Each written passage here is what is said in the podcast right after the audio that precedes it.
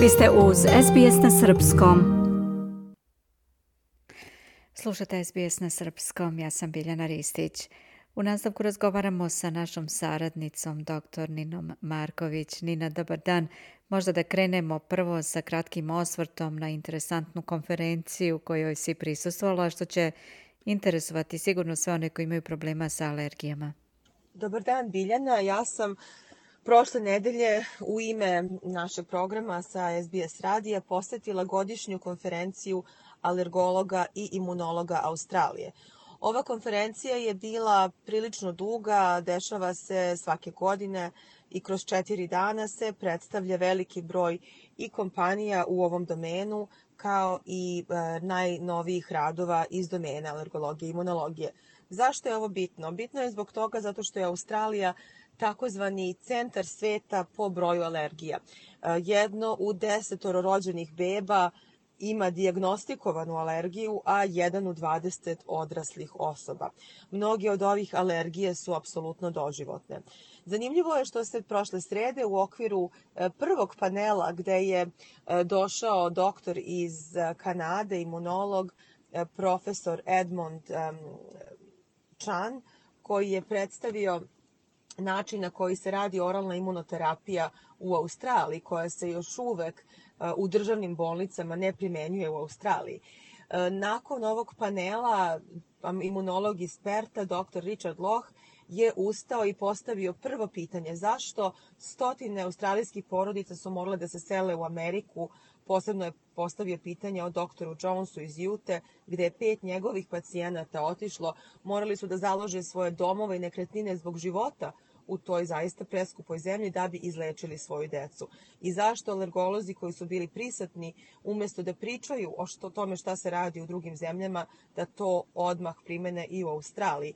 Da podsjetimo, i Srbija je pre dve godine počela oralnu desensitizaciju za nutritivne alergene. Hrvatska to radi već 8 godina, a u Americi se to uspešno obavlja već 11 godina. Znači, vreme je po rečima doktora Richarda Loha i brojnih drugih alergologa koji su se složili sa tom izjavom da Australija umesto da se troše milioni na klinička takozvana istraživanja u ovom domenu, da se odmah primene e, naj, najbolje načini iz prakse iz Amerike, iz Evrope, iz Izraela i da bi se u stvari izlečili australijanci od ovih nutritivnih alergija što pre. Nina, posttraumatski stres je takođe veliki problem u Australiji, posebno kod pripadnika odbrambenih snaga, ali i kod novinara, kako smo saznali ovih dana od jednog novinara Reutersa, koji je čak taj problem doveo u vezu sa osnivačem Wikileaksa Juliana Assangea.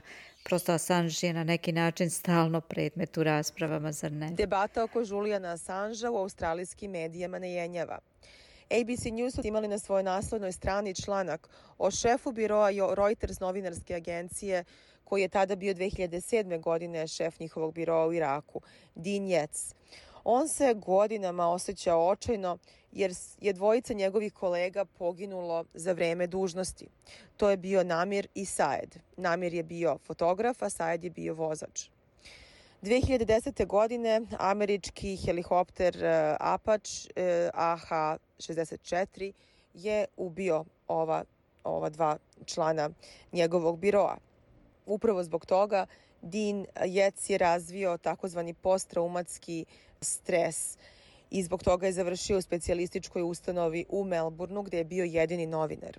Međutim, 2016. godine Julian Assange je obelodanio brojne snimke američke vojske kako ubijaju civile. Pored e, dijagnoze o posttraumatskom stresu, e, Dean Yates je takođe bio diagnostikovan sa takozvanom e, moralnom traumom, zato što se on osjećao krivim za smrt svojih kolega. Međutim, ovaj snimak od e, Juliana Assangea koji je velodanjen kako američka vojska ubija nedužne civile u Iraku je promenilo tu priču i pokazalo da su bili incidenti kada je američka vojska zaista ubijala civile iako se ne znaju detalji tih izveštaja.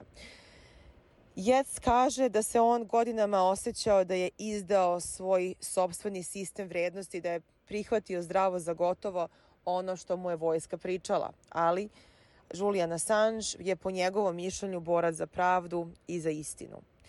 Tako da je to podstaklo jednu čitavu novu polemiku u australijskoj štampi kako gledati na Julijana Assange, da li je on zaista vilan ili heroj. Po rečima Dina Jecta, on je njemu pomogao da na neki način se suoči sa istinom i da manje krivi sada sebe za ono što se desilo njegovim kolegama te davne 2010. godine, ali da će se njegova borba za istinu u mm. ovom domenu nastaviti. Na kraju, Nina, u Međunarodnom kongresnom centru u Sidneju održava se interesantan sajam hrane. Možda da i o tome kažemo nešto. Već skoro četiri decenije održava se takozvani Fine Food Festival – Ovoga puta održava se u e, centru Sidneja, Darling Harbour, u International Convention Centru, znači Međunarodnom uh, kongresnom centru i nekoliko hiljada izlega, izlagača će od 11. 14. septembra izložiti svoje proizvode i predstaviti svoje usluge.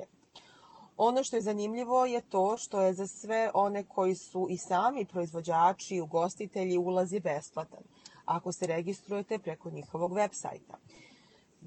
Program je zaista zanimljiv. Znači, nekoliko hiljada izlagača prikazuje svoje usluge u domenu ugostiteljstva. Takođe i oni koji proizvode ambalaže. Zatim veliki broj najpoznatijih australijskih proizvodnih kompanija poput Milk Laba i ostalih će prezentovati svoje nove proizvode na ovom e, festivalu. Zanimljivo je za sve koji dolaze da će dobiti promotivne primjerke mnogih proizvoda, tako da ko je blizu Sidneja, Fine Food Festival, koji je glavni godišnji festival Australije u domenu uh, proizvodnje hrane i usluga u ugostiteljstvu. I toliko za danas. Hvala Nina. Hvala prijetno. Bila je to naša saradnica iz oblasti politike, dr. Nina Marković. Ja sam Biljana Ristić, slušate program na srpskom. Želite da čujete još priča poput ove? Slušajte nas na Apple Podcast, Google Podcast, Spotify ili odakle god slušate podcast.